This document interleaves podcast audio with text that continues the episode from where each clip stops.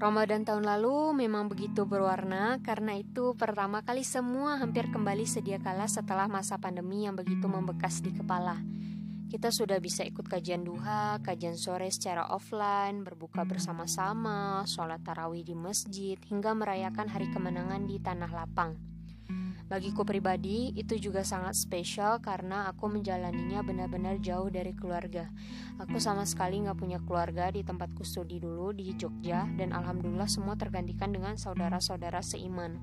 Yang membekas, benar-benar membekas bagiku di Yogyakarta itu hampir semua masjid-masjidnya itu berlomba-lomba buat bagiin takjil. Ini bukan hanya puasa Ramadan aja, Senin Kamis juga ada beberapa masjid yang uh, aktif gitu membagikan takjil. Dan ini benar-benar Ramadan hampir semua berlomba-lomba buat bagiin takjil bahkan makanan berat gitu.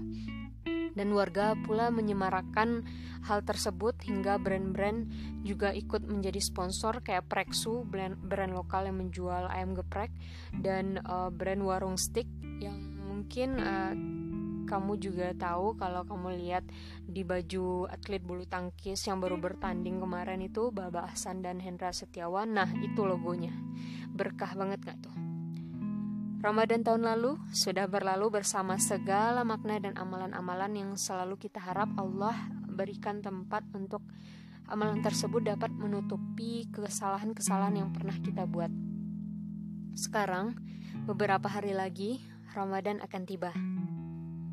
Semoga Allah benar-benar mempertemukan kita dengan Ramadan di tahun ini sampai perjuangan akhir di hari ke-29 ataupun 30. Assalamualaikum. It's a barakah day. Bagaimana kabarmu beberapa hari sebelum Ramadan ini? Apakah baik-baik saja? Apa saat ini kamu sedang bersama keluarga atau tengah di rantau?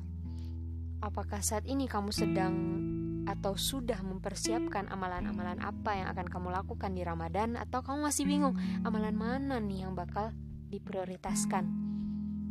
Tahun ini insya Allah kita selalu berharap akan menjadi lebih baik dari yang kemarin. Apa pun kondisi kita saat ini, kita itu punya kesempatan untuk mendapatkan kasih sayang terbaik dari Allah. Ramadan ini harus lebih baik dari yang dulu apa pun kondisi kita kalau kata salah satu rekanku kalau kita dapat emas itu mini gold aja kita udah seneng ya. Apalagi emasnya ber, berhamburan banyak gitu. Nah bulan inilah ketika Allah memberikan emas berupa kebaikan-kebaikan yang dapat menutupi semua kesalahan kita di masa lalu kesalahan yang pernah kita buat sebagai manusia yang tak pernah luput dari kesalahan bahkan dibersihkan diputihkan gitu maka mari kita ambil chance itu malam ini. Mari kita mulai target-target yang akan kita lakukan di Ramadan kali ini dan rasanya target itu tak lengkap jika tak tertulis di mungkin secara kertas jurnal Ramadan. BTW aku juga baru pertama nih uh, bikin jurnal Ramadan secara cetak ataupun uh, online gitu. Di podcast ini aku mau nyampein tiga hal yang mungkin bisa sama-sama kita highlight yang aku comot-comot dari beberapa kajian persiapan Ramadan. Yang pertama, Perdekat diri dengan Al-Quran. Ini benar-benar bulannya Al-Quran Perbanyak membacanya dibanding hari-hari di luar Ramadan. Tak akan sia-sia hati yang mendekat kepada Al-Quran. Setiap kamu baca nih Meskipun kamu sendiri nggak dilihatin orang sama sekali Itu sebenarnya ada yang ngeliat loh Walaupun secara mata Kasat mata kamu nggak ngeliat gitu. Dan dihitung lagi. Apalagi Ramadan ini Kita nggak tahu berkali lipat berapa yang Allah bakal kasih buat kita di Ramadan kali ini gitu. Yang kedua, kurangi apa yang patut dikurangi dan tambah apa yang patut ditambah. Nah, kalau hal-hal kayak gini tuh kamu pasti tahu apa yang memang perlu dikurangi dan menambah hal-hal yang membuat Ramadanmu tidak sia-sia. Mengurangi yang lalai dan menambah yang memberikan kebaikan dan uh, kamu mampu melakukannya.